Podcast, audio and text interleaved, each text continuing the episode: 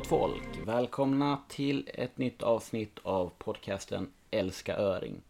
Det här avsnittet är ett så kallat Troutbro avsnitt. Det innebär att vi har en god gäst som är en Troutbro. Och i det här första Troutbro avsnittet så blir det en gäst som heter Karl Önning. Tjenare Karl! Hej Jon! Hur är läget? Jo men det är bra. Eh, lite åt det trötta hållet här efter en tung fiskevecka får man väl säga. Ja, vi har ju faktiskt eh, varit i Lappland i fem dagar och eh, sen kör vi liksom några dagars avslutning i ett av Sveriges bättre öringvatten här i Jämtland. Eh, och om man nu bara ska ta det lite snabbt, det gick ju bra för dig igår. Du fick en fin öring. Jajamän! En eh, smällfet 68 cm hona. Mm. Eh, så det var ju första fisken i den här strömmen om man säger så. Så att det var jävligt skoj. Nice. Ja, det var en typ fyra panners så det var ju guld alltså. Nej, riktigt kul alltså. Eh, en annan har ju inte haft samma lycka. Men eh, så är det med fiske och speciellt efter vandringsöring kan man säga. Men eh, skit i det, nog om det. Karl Önning, du om man säger så här lite snabbt då. Vi har ju känt varandra i typ, eh, i alla fall åtta år tror jag. Ja men det måste det bli. Ja, precis. Vi träffades ju när jag jobbade på Fishline.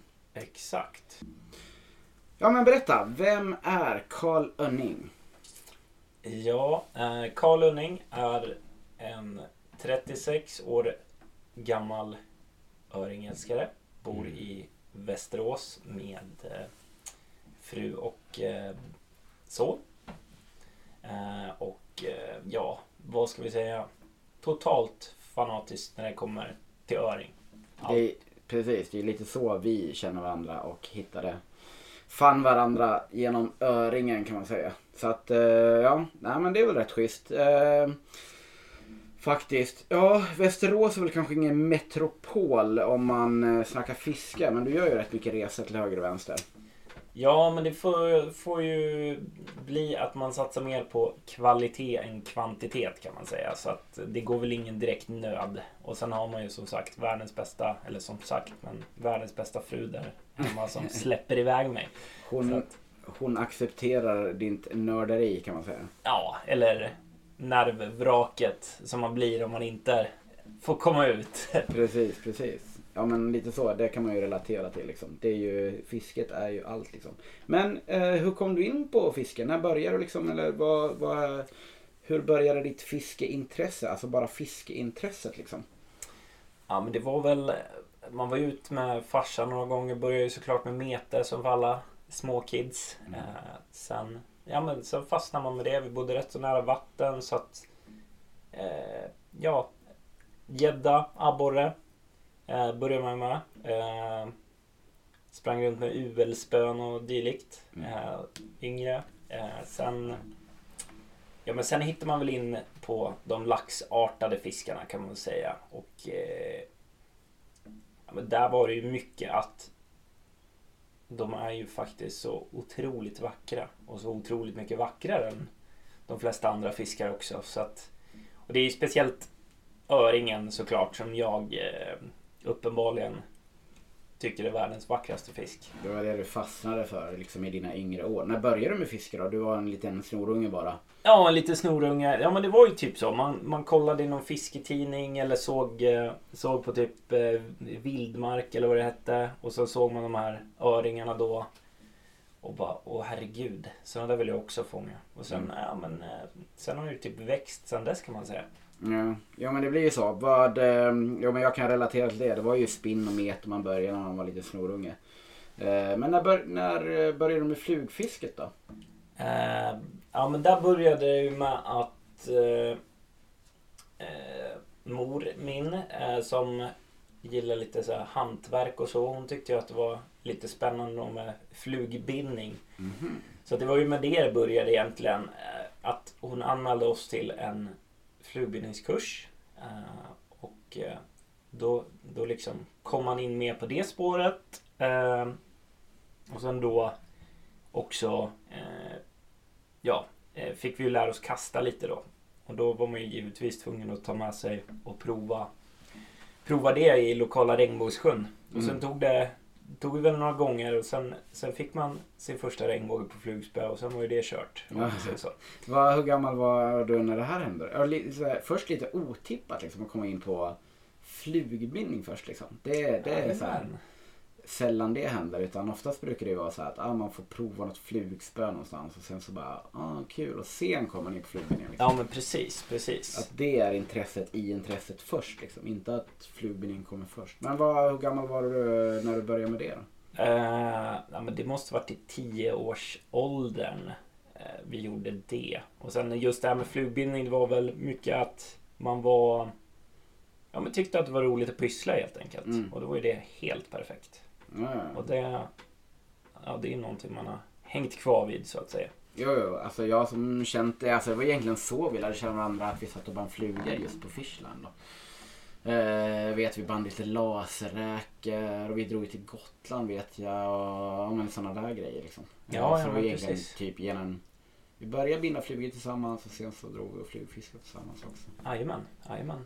Ja, tiden går alltså. Ja men, eh, ja, men flugbindningen som sagt, enligt mig så är ju du en av eh, Sveriges duktigaste flugbindare så det är jävligt kul. Man blir jävligt inspirerad. Jag tror många som kommer lyssna på det här, de, de vet nog ja, primärt just, just genom fisket liksom, men eh, många är nog sjukt inspirerade av dina flugor liksom. Du har ju vunnit lite tävlingar, eller så här, in, Instagram-tävlingar typ. Eller ja, du har väl kommit på någon andra, tredje plats i alla fall tror jag. Eller? Har du vunnit också? Jo men, jo, men någon, någon vinst har man ju. Ja. Eh, det...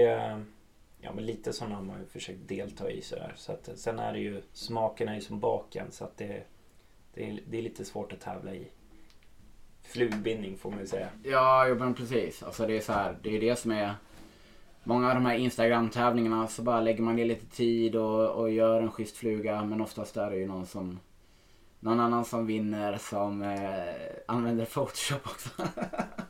exakt, exakt. Ja, Den, men det den har man ju sett. Ja, men precis. Absolut. ja men det där existerar ju. Om folk har stort intresse av foto och flugbindning då är det ju lätt att man liksom kan pusha gränserna liksom.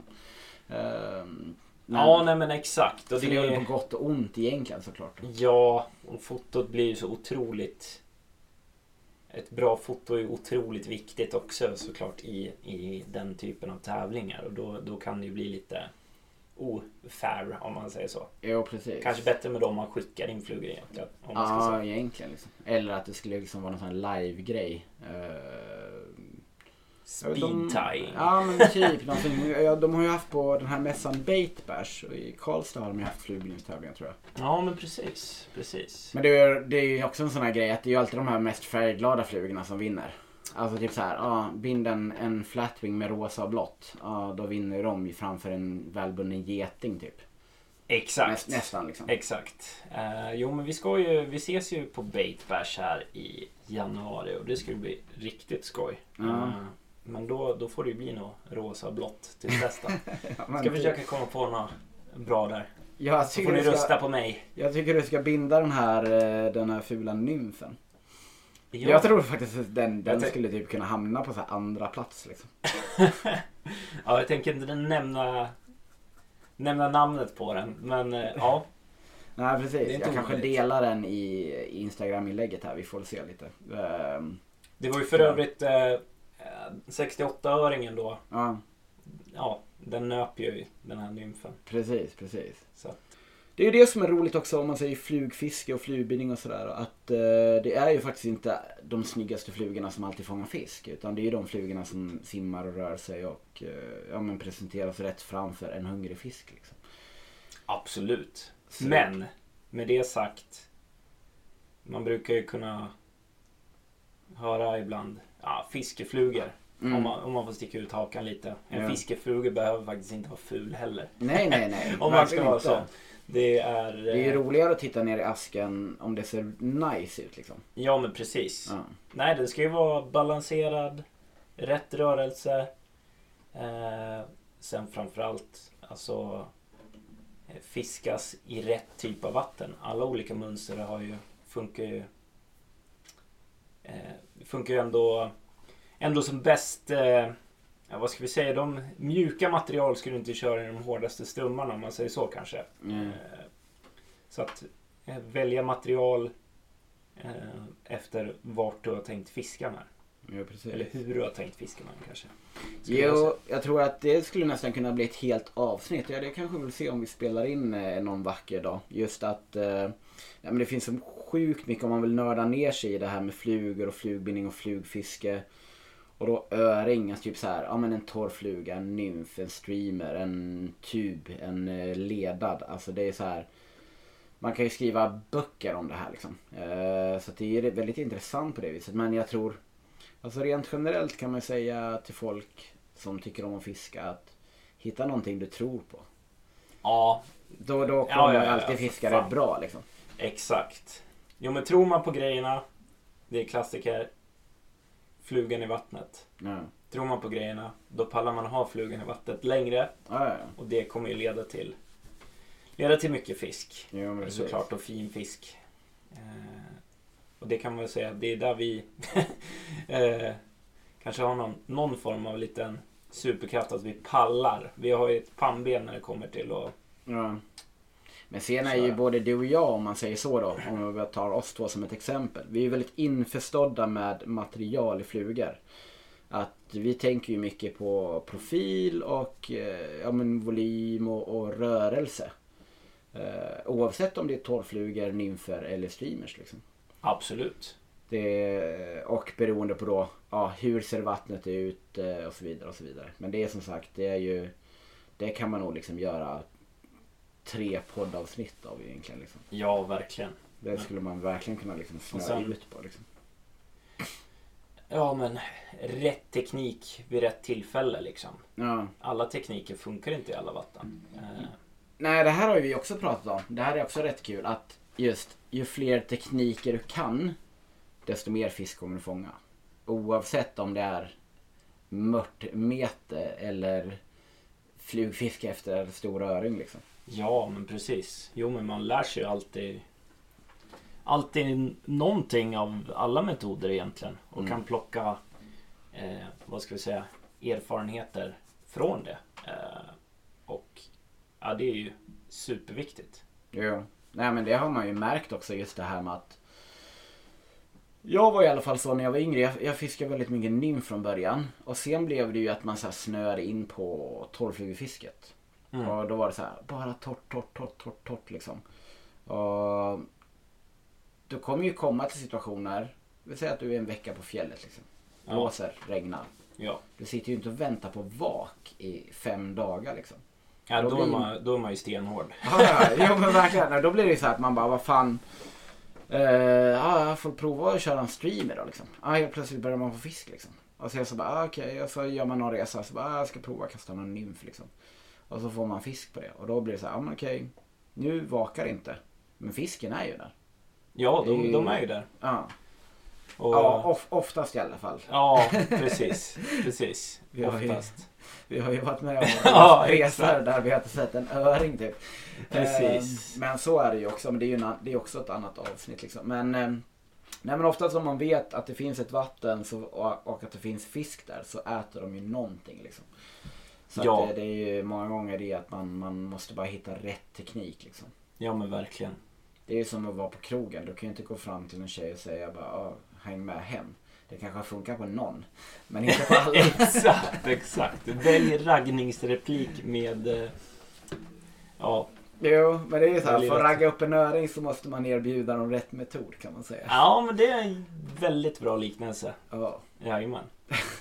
Men, eh, ja men fan vad kul då. Men eh, eh, jag tänkte på en annan grej där. Eh, som sagt, både du och jag, eller alla som känner mig fattar ju att jag älskar öring. Och nu fattar ju också alla att du älskar öring. Men vad är det som är så sjukt speciellt med öring tycker du? Förutom att de är vackra då som du var. Men, men berätta lite, vad, vad är det som är så speciellt med öring för dig? Eh, ja, men det är ju att eh, de kan leva på så många olika sätt egentligen. Och eh, ja, men äta på många olika sätt. Tillbaka till det här med teknikerna. Men, eh, att eh, du kan fånga dem på en liten nymf med en jättetunn tafs.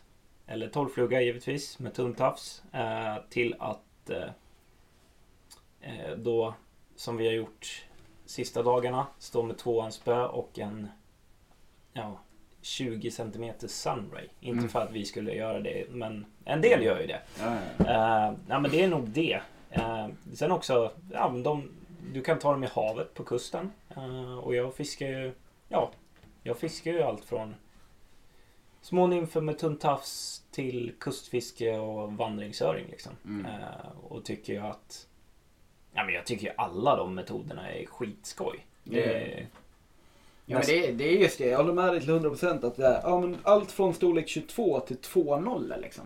ja, ja, Alltså absolut. det, det, och just det här att ja, du kan få dem i stilla vatten, i strömmande vatten, på kusten. Just med tanke på att vi, både du och jag, vi, det är ju inte bara brunöring liksom, utan det är ju havsöring. Både på kusten och i strömmande. Eh, och samtidigt då om man då ska frånhålla brunöring jämfört med vandringsöring. Eh, även om det är samma fisk så har de ju olika beteenden liksom. Ja, ja men precis. Och det är, ju, det är ju det som är kul. De har väldigt olika beteenden. Mm. Och eh, Nej men precis, jag, alltså, det är just det som är så jäkla kul. Just att så här att ja, fiskar vi brunöring i älv med torrflugor så är det ju allting från små dagsländer till större nattsländer. Även kanske lite nymfer, ibland med och ibland utan indikatorer. Eh, är man liksom på kusten, räkor, mälor, eh, fiskimitationer. Fiskar man i havsöring strömmande så är det typ tuber, woollybuggers, medel utan gummiben, eh, sådana grejer. Sen så, det kan ju i och för sig likna vandringsöringfisket lite. Just att man fiskar kanske med tuber eller med sonkers, eh, nymfer med gummiben. Det är ju rätt så Absolut. lika varandra på det viset liksom. jo men det, är- det skulle jag verkligen säga att de är. Och kanske speciellt, ja men på höstarna specifikt. Mm. Med, ja, havsöringen känns väl som att där kan man ju få downsiza lite, lite mer för de äter En vandringsöring tror jag äter hela resan upp och fortsätter äta. Det är väl i och för sig rätt så fastställt att de gör det. Men en havsöring vet tusan om de är riktigt lika Nej, där är intresserade mer- av mat. Precis, nej, där är ju liksom mer att trigga individen ungefär. Visst, det kan ju vara på vandringsöringen också, men oftast kan de ju faktiskt... Det här är ju rätt kul att man faktiskt då kan van- ta vandringsöring på små nymfer liksom. Ja, ja, ja. Det är så här att de, de har ju fortfarande ett, ett beteende att... Ett eh, ätbeteende. Ja men, Ja, men precis. verkligen som. Att de fortfarande kan äta hela vägen in på leken. Medan havsöringen är ungefär som att så fort de kommer in i sötvatten så glömmer de bort vad mat är. Ja, men lite, precis. Lite åt det hållet faktiskt. Nå, där kanske vi sticker ut hakan. Att, eh, Mm. Men eh, jag tror, ja, vi tror nog att det ligger något i det i alla fall. Jo precis. Ni får väl det- hojta om ni tycker att det är helt... Ja, precis. precis. Om, ni, om ni har an- en annan inställning eller take på det, absolut. Skriv ett, eh, skicka ett mail eller skriv på Instagram eller Facebook. Det är som sagt, det, det är bara kul att höra vad, vad andra tycker och tänker. Men det är som, man har ju testat sig fram, men det är ju så här många gånger på havsöringen då kör ju vi flugor som det liknar ju liksom ingenting ätbart. Möjligtvis om vi kör liksom våra gummibensnymfer då. Ja, precis. Men, ehm, Nej, men annars är det ju... Ja, det är väl, profil kan väl likna en fisk, absolut. Mm. Mycket rörelse också liksom. Ja, exakt.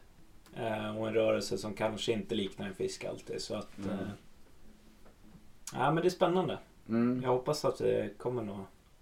Invändningar några där, andra man- takes på det liksom. Det finns ju folk som är betydligt duktigare än oss men Definitivt. det är ju... Äh, vi lyckas ju oftast ändå av någon anledning. Ja, Eller ja, vi har ju lärt oss lite vad som funkar här och var i alla fall. ja men Eh, precis. Sen har vi väldigt mycket tur också. Så att, Det kan man säga. Det får man ändå säga. Men ja, det är ju så. Ju, det vad är det Ingmar Stenmark säger. Ju mer jag tränar tränar. desto mer tur har jag. Exakt. Men så är det ju liksom att vi ibland går vi ifrån våra, våra tankar och idéer. Just det här. Jag vet när vi gjorde en resa till Lappland och ehm, vi gav oss fan på att vi skulle få öring på squirm liksom. Folk, folk det, är ju, det är ju ingen annan som hade liksom typ tänkt den tanken att Ja, Ja. vandringsöring ska vi Nej, säga precis. då. Öring Ja, på squirm är ju inte helt ovanligt. Nej, nej, nej, verkligen. Men just det här, många tänker just vandringsöring att, att Ja, det är stora svarta flugor mitt i natten liksom. Feta, ja precis. Fetaste muddeln mitt i natten. Precis. Och Det sen- gjorde vi också, men med skralt resultat. Ja, ja, ja. Jo, absolut. Det funkar att- ju. Det, det, är ju. det är ju inga konstigheter på det. Men just att vi gav oss fan på att vi ska få få en vandringsöring på den fulaste flugan ever. Ja, ja, Ish, typ. exakt. exakt. Men eh, ja, det har ju gått jävligt bra liksom. ja. Men Det är också det som är lite roligt då. Samma sak nu då. Eh, ja men som igår. Att så här, Istället för att köra svarta muddlers så smiskar man på en liten lila nymf. Liksom. ja, men Typ. precis. Och det, det handlar ju mycket. Du hade ju ändå. Ja du fick ju tre fisk liksom. Ja, Och hade lite kontakter liksom. jajamän. Alltså det är det som lite är häftigt just att eh, kan man lite olika tekniker och prova sig fram då är det ju lite det. Och det är, det är ju verkligen det. Det är ju det som är så jävla coolt just med, med öring liksom. Ja, men då brukar det faktiskt gå att pilla upp någon, Mm. får man säga. Typ oavsett vart man är eller vad man håller på med. Men eh, man får ju plocka fram verktygslådan och, och gräva liksom. Ja, ja, ja. Jo men verkligen. Det är ju... Sen blir det ju... Det, det roliga är ju att överlista dem då och hitta verktyget för dagen. Det är ju... Ja, det är nog bland det roligaste faktiskt. Men- Ja, belöningen blir så sjukt mycket större liksom. Det, ja, men precis. Det är ju det. Och sen det är ju det som är roligt. Det, det här är ju också då en grej som är värt att tänka på att alla fiskar nästan på samma sätt. Många, många gör det liksom. Ja, ja. Men kan man då också särskilja sig att fiska annorlunda? Det är som att även om du och jag har kört samma flugor.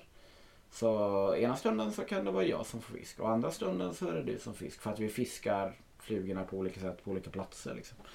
Ja, ja men det precis.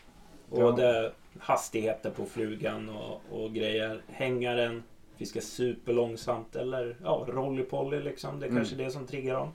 Precis. Eh, men nej, eh, gör inte som alla andra Nej, nej, kan nej. säga. Precis. Det- Våga tänka lite utanför boxen liksom. Ja, ja, precis. Annars blir det ju slentrianmässigt och eh, ja, ett lotteri vem som, vem som går i fisk mer eller mindre. Ja, verkligen. Och speciellt om det kanske är vatten som är, det är lite hårdare tryck på. Ja, Då då ska, är, då ska det ju verkligen vara att man liksom särskiljer sig. Att man, man, eh, ja precis. Ja, men personligen då kan jag säga att eh, alltså jag, jag kör ju gärna eh, ja, men svarta sonkers liksom eh, på vandringsöringen. Om fisketrycket, ja men, eller jag kör gärna det, men är, skulle det vara ett väldigt hårt fiskat område Ja, men då, eh, då letar jag någonting som de kanske inte har sett istället. Alltså, Mm. Jag försöker i alla fall ha mycket fokus på att göra göra annorlunda mot, mot, mot de andra. Ja men precis. Ja och det har man ju också. Har man ju också lärt sig på olika sätt att just. Ja men vi säger då att du fiskar en svart sonker. Första driften. Den kör du liksom nästan hängande liksom. Väldigt långsamt. Eh, nästa drift. Ja men då swingar du den lite högre och får lite snabbare fart. Nästa drift så kanske du liksom har till. Antingen att du runkar flugan liksom. Att man drar spöet fram och tillbaks. Ja, Och fjärde driften så tar du in flugan liksom. ja men precis. Då kommer du ju förr eller senare märka att det är någonting som funkar. Så att liksom när man lägger de där kasterna, till exempel om vi nu pratar så då. Ja, Men det kan ju vara samma sak när du fiskar eh, torrfluga. Du, har liksom, du kanske inte ska liksom dra in en dagslända liksom. Eh, nej. Nej. Men, eh, Svinga en eh, baetis. Precis, men det kan ju vara om du ser en vakande fisk att du kanske först, ja men den tar en, eh, en färdig dagslända. Nej, det sketer ni. Nästa så bara provar du en kläckare. Ja, det sketer ni. Sen så tar du en nymf precis i ytfilmen. Ja. Ja, den tog det. Ja, men då är det ju det som den äter. Sen kan det ju verkligen vara från individ till individ liksom.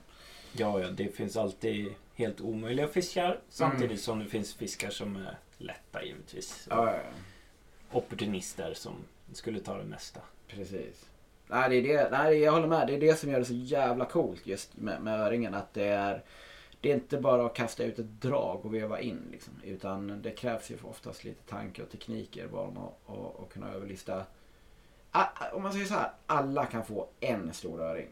Ja. Alla kan få det. Absolut. Tid, rätt tid, rätt plats. Det är som med många andra arter. Men om du ska liksom överlista större fisk gång på gång på gång på gång. Så liksom våga prova sig fram. Liksom. Ja, verkligen. Verkligen. Och sen eh, vågar man prova sig fram så, ja, då... Man lär sig alltid någonting. Mm. Det är någonstans så...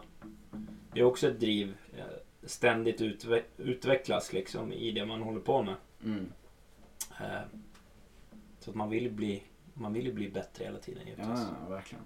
Ja, men jag håller med. Det är det som gör det kul. Och det är sagt, vi, även om vi har flugfiskat länge och hållit på med flugbindning, man blir aldrig fullärd. Liksom. Nej, det är helt omöjligt. Det, det, är det, det känner jag också speciellt utbytet med dig. Fan vad jag har lärt mig mycket de senaste åren. Liksom. Det är jävligt roligt. Liksom. Ja, men det är ja, jättekul att höra. Och Ja. det, detsamma. Ja, men detsamma jag tror kan det är det också som sagt att man lär sig grejer av varandra på ett annat sätt. Det tror jag är jävligt schysst. Liksom. Faktiskt. Vi har ju en annan sak gemensamt också. Alltså, Vi eh, är faktiskt med ett av, eh, vi jobbar ju med ett av världens bästa flugfiskeföretag. The best. Det. Nej men både du och jag, ish, är ju involverade i Loop. Det känns väl jävligt roligt. Superkul. Verkligen. Faktiskt. Ja, men det är ett jävligt bra märke som, som stödjer oss på många olika sätt. Eh, så det är vi jävligt glada för. Eh, vad har du för favoritspön och rullar och linor där? Om vi säger, okej, om vi säger så här. 12 flugöring. Spörulelina.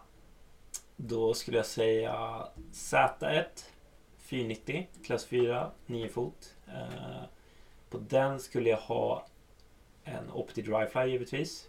Superbra rullar.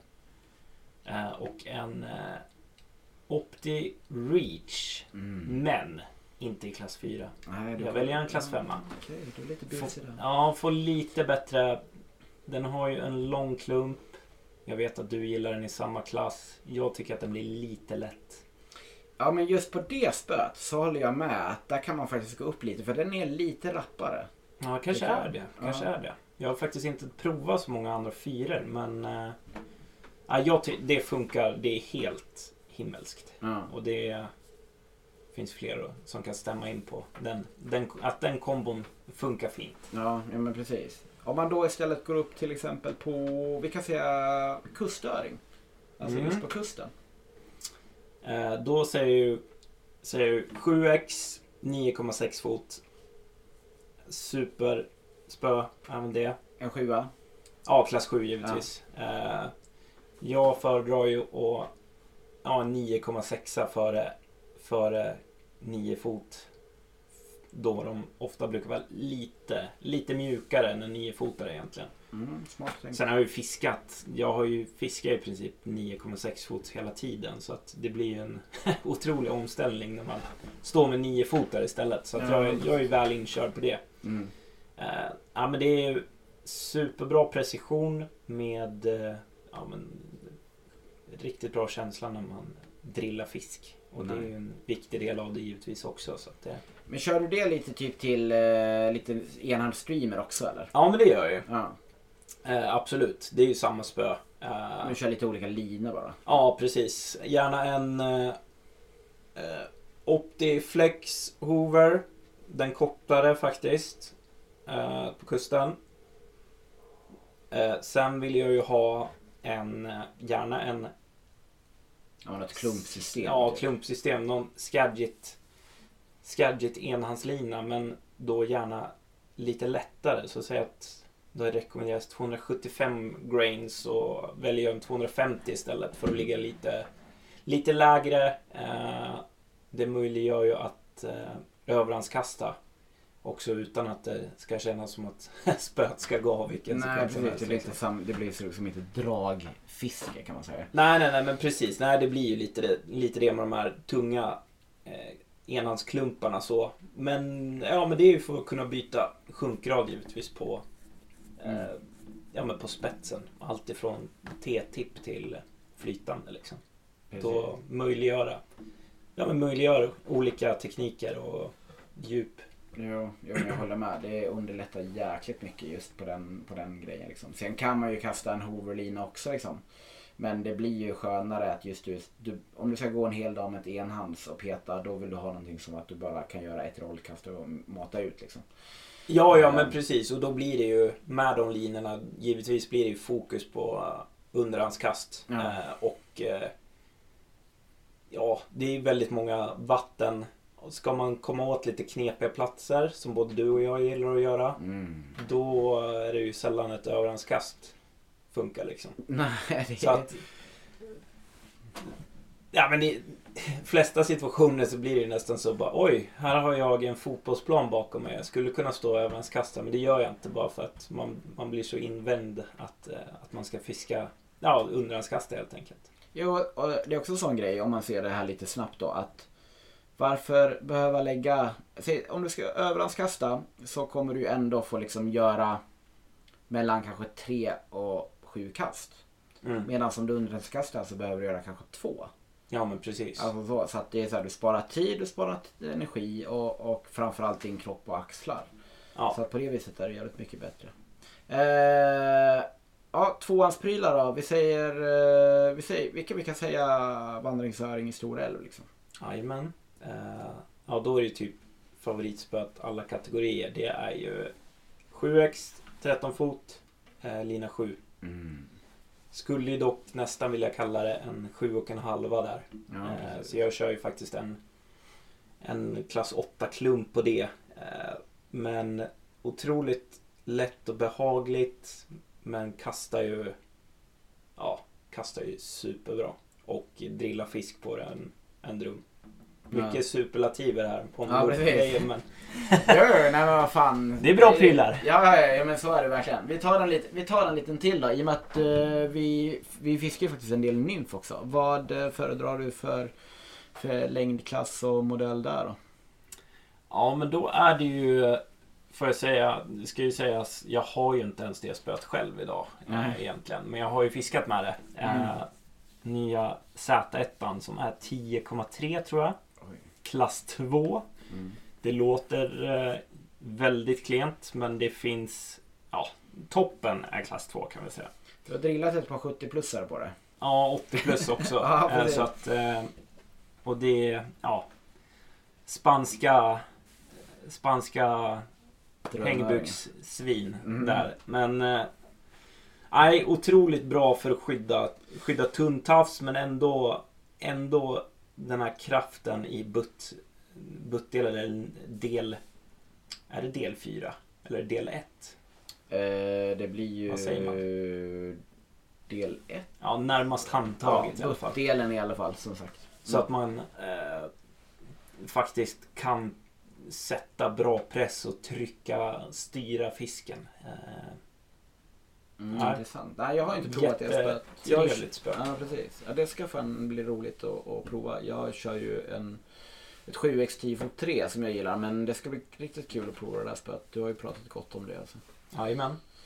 Ja men nice, där fick vi en lite sånt där också. Just eh, lite loop i och med att vi faktiskt spelade den ligan. Eh, jag tänker så här, vi, vi avslutar med en rätt rolig grej. Eh, det, här har jag, det här segmentet har jag snott lite av Daniel Nilsson faktiskt i hans eh, podd. Men eh, mitt heter lite annat. Eh, det heter så enkelt som drömöring. Var och hur. Eller, ja, eller typ när, var och hur. Du behöver inte berätta exakt plats men typ Sverige, Spanien, Island, eh, Ryssland. Lite och storlek och hur liksom. Var är din, din vad, vad liksom, vad, vilket personbästa skulle du vilja knäcka liksom? Eh, Som är relativt rimligt, inte så här 15 kilos öring på en på 16. Men, det vill jag eh, ha. Ja, precis. Jajamän. Eh, ja, ja, men det måste, det är ju, det är ju vandringsöring. Mm, Det får ju bli en, en sju, sjupanners mm. 85 cm plus eller något sånt. Oh. Eh, helst mitt i, mitt i natten. Man är ju lite liten när man står där i vissa lägen. Ensam. Nästan lite rädd ibland. för vad som finns i skogen. Ja, riktigt mörk när mitt, ja, Jag ser mig själv eh, lyckas med det en vacker dag. Mitt under den mörkaste tiden på natten.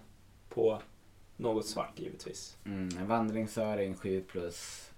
Eh, Ja. I Sverige misstänker jag. Ja, ja, ja, i Sverige. Precis. Det är det som räknas. Mm. icke en köpefisk. så att Nej, precis, precis. Nej, jag håller med. Det är ju, alltså, det, det är ju någonting som faktiskt har trollbundit oss de senaste åren. Så är det ju vandringsöringen. Just för att det är en kort period. Det är en svårlurad fisk ändå liksom. Eh, så att jag, jag är väl lite benägen att hålla med att eh, det har ju varit en dröm liksom. Ja, Faktiskt. nyckfull. Det, allt stämmer ibland, känns det som. Ja. Men det händer inte ett smack. Nej, nej, nej. Det är, man får ju fortfarande göra sina timmar liksom. Ja, ja, ja. Jo, men det är det. Vad har du för personbästa på, på öring? Vi kan göra så här. Personbästa på torrt. Eh, 2,7. 2,7. Personbästa på nymf. Eh, gummiben eller, eh, eller eh, eh, nymfspö. Ja. jag har ju säg- tagit, eh, ja, igår på tvåhandsspö. Men jag har också tagit på klass 3. Så att Ja. säga. Nej men om man säger... Eh, oh, hur ska man säga där? Ja, det ska man säga. Men det är olika, för det är sving eller... eh. Ja precis liksom. Precis. Ja, ja men då kan vi säga på... Säg en vanlig brunöring på vanlig... På en vanlig... Ja men ja, när du har nymfat efter öring på ett normalt sätt med en klass 3, 4, 5 liksom. Ja, inte precis. Och då, nu räknar jag bort vandringsöring då faktiskt. Mm. Och då ligger väl det på 2,6 gör det. Ja. En, ja, en riktig brunöring. Ja, Inte, nymfad. inte, Liksom. ja, nymfad. Fri, fridriftad nymf. Mm. Jajamän. Och så kan vi ta en vanlig... Äh, vi skiter i brunöring på streamen. Men okej, din, din största vandringsöring då? Eh, 81 centimeter. Eh, grov som ett dasslock. Hade ingen våg. Ja, 6 plus i alla fall. Men jag uppskattar den till över 6 kilo. Så att jag, jag säger 6 kilo. Ja. ja, men det är en jäkla fin svit alltså. Det är ju, ja, det, jag tror det är många som drömmer öringar i den, i den kalibern. Men det är sagt, vi lägger ju, ja både du och jag lägger ner väldigt mycket tid liksom. Ja, ja men så är det. det, det, det får man ändå säga. Ja men fan vad kul. Du eh, Karl, jag tackar ödmjukast för din medverkan. Jag tror ju rent generellt att eh, det, det kommer nog bli ett, eh, ett gäng olika avsnitt med dig som en så kallad trout bro. Vi har lite olika saker vi kan avhandla. Både när det gäller torrt, nymfiske, streamer, vandringsöring, tekniker, flugbindning. Ja, många grejer som gör, rör öring i alla fall. Ja, nej, men det gör jag gärna med. Så att det Ja men grymt. luren. Du, tack så mycket. Så ja, vi, vi fortsätter ju, ses efter det här. Men eh, vi hörs eh, på ett annat sätt. det blir, kan eh, bli en Yatzy efter. det kan bli en Yatzy. ja. Det hör till våra öringresor. Jag tror det är det som, som gör att karman faller på också. Du, men som sagt, stort tack. Så ser vi fram emot nästa avsnitt med dig i alla fall. Tack. Ja, tja! Tja. Ja men det där var ju hur härligt som helst att få snacka lite eh, öringfiske med, eller lite öring överlag med eh, Karl Önning. Eh, ja som sagt den här eh, podcasten presenteras i samarbete med Northern Trout Shop. Så att där kan ni kika in om ni vill ha lite schyssta prylar för öring och primärt många schyssta customflugor. Så tack för att ni har lyssnat så hörs vi snart igen. Och glöm inte, älska öring. Música